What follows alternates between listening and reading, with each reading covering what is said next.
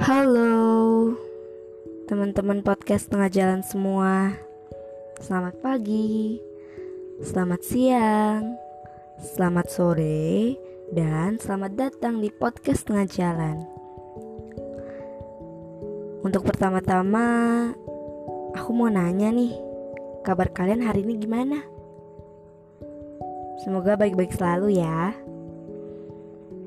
Semoga sehat-sehat selalu Selalu jaga keadaan tubuh kita agar kita kuat untuk melawan virus COVID-19 ini yang masih ada di sekitar kita. Hmm, kabar kalian udah. Sekarang aku mau nanya deh, hari kalian gimana? Iya, hari ini. Dari kalian bangun tidur sampai sekarang. Sampai ketika kalian mau tidur lagi. Hayo, hari ini kalian anggap jadi nice day atau bad day? Hmm, kalau mau kalau kalian anggap nice day ataupun kalau kalian anggap bad day itu nggak apa-apa kok, wajar banget. Karena emang setiap harinya pasti ada aja suatu hal yang membuat kita mengklaim hari itu gimana jadinya. Hmm, by the way, ada banyak hal di dunia ini yang perlu kita tahu. Bukan hanya sekedar tahu, tetapi mampu kita lihat secara langsung dan merasakannya. Di hari ini, tepatnya di episode ke-8, aku masih mau bahas tentang toxic friends lagi seperti di episode sebelumnya. Ternyata bukan hanya teman yang menjatuhkan lewat candaan yang termasuk toxic friends.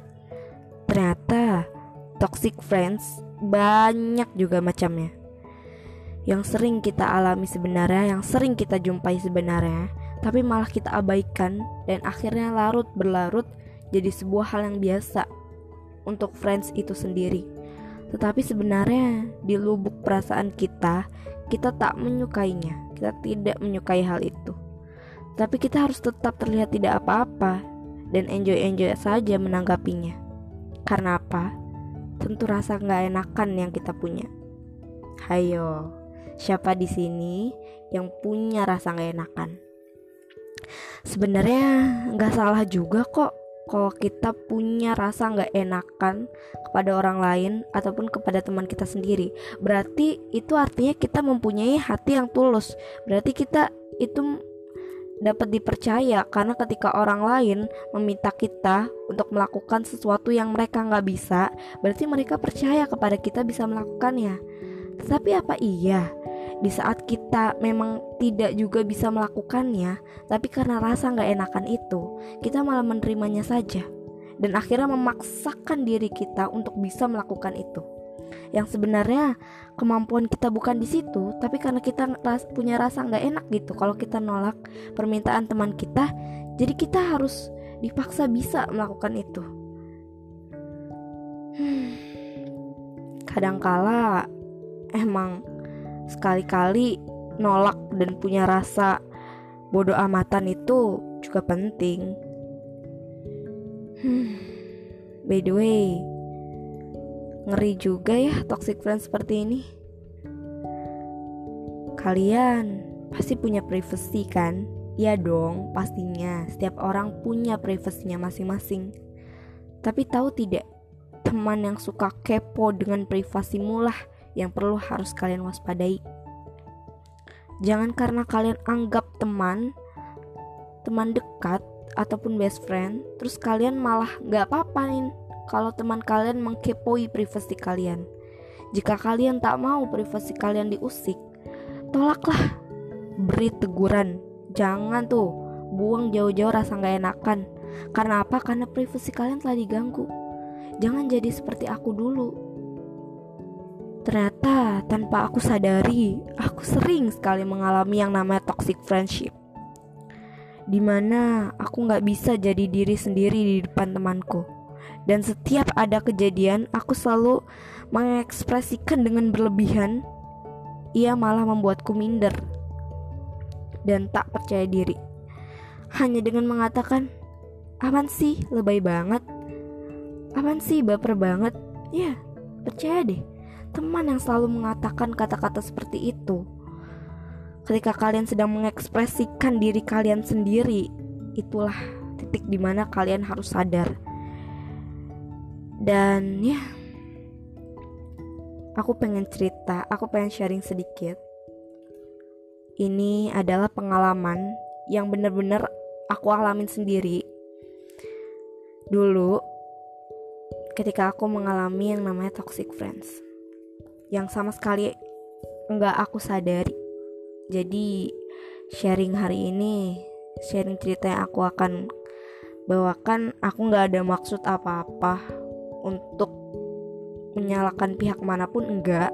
Aku murni ingin ceritakan pengalamanku ini untuk kalian para pendengar podcast sengaja agar kalian tuh lebih berhati-hati terhadap toxic friends yang sebenarnya ada di sekitar kita aku punya suatu kejadian di mana aku ketika membuat sebuah story lalu aku hanya membagikannya di close friend tetapi entah dari mana temanku tahu aku tak memasukkannya di dalam close friendku aku tak memasukkannya di daftar itu ketika temanku sudah melihat fakta itu di salah satu handphone temanku yang lain dan temanku yang lain lah yang mengatakan fakta itu pada temanku. Dan ya, hal itu terjadi. Ia marah padaku, ia tak terima. Ia mengatakan aku tak menganggapnya sebagai teman lagi karena aku tak memasukinya ke dalam daftar close friend itu. Dia marah, kenapa hanya sebagian temanku yang bisa lihat storyku. Padahal story yang aku post di story biasa dan story close friend adalah story yang sama. Lalu apakah aku harus menaruhnya di close friend juga? Dia memintaku untuk memasukkan dirinya ke dalam close friend itu. Dan dia bilang dia kesal. Dia memaksaku untuk memasukkannya ke dalam daftar close friend. Lalu mana privasiku? Lalu mana hakku? Itu sosial mediaku, itu punyaku kenapa jadi temanku lah yang marah? Apakah aku salah ketika aku tidak memasukkannya ke dalam daftar close friend? Aku pun punya alasan tersendiri kenapa aku tak mau menambahkannya di, di dalam close friend. Tapi apa iya dia harus memaksaku seperti itu? Dia marah. Ya. Dan dari situlah aku tahu ada banyak orang yang memang mengaku teman Padahal niat hati ingin menjatuhkan. Entah apa pun niat hatinya itu, aku tidak tahu. Tapi yang pasti, dia punya niat. Udah 8 menit nih. Aku kira sharing cerita hari ini bisa bermanfaat ya untuk kalian. Dan terima kasih untuk kalian yang udah sempetin waktu kalian untuk dengerin 8 menit 15 detik kalian yang kalian pakai untuk dengerin podcast ini. Semoga toxic friends itu nggak akan pernah terjadi ya di diri kalian. Kalaupun iya, kalian sadar mengalami hal itu. Jangan menjauh. Tetap ingat apa yang aku yang aku kasih di episode ketujuh. Cukup jaga jarak. Utarakan perasaan kalian. Agar teman kalian pun tahu sebenarnya perkataan dia selama ini tuh gak baik di hati kalian. Dan ya, tetap semangat dan jangan lupa makan, tetap keep fighting. Aku Azia dari podcast Tengah pamit. Sampai jumpa.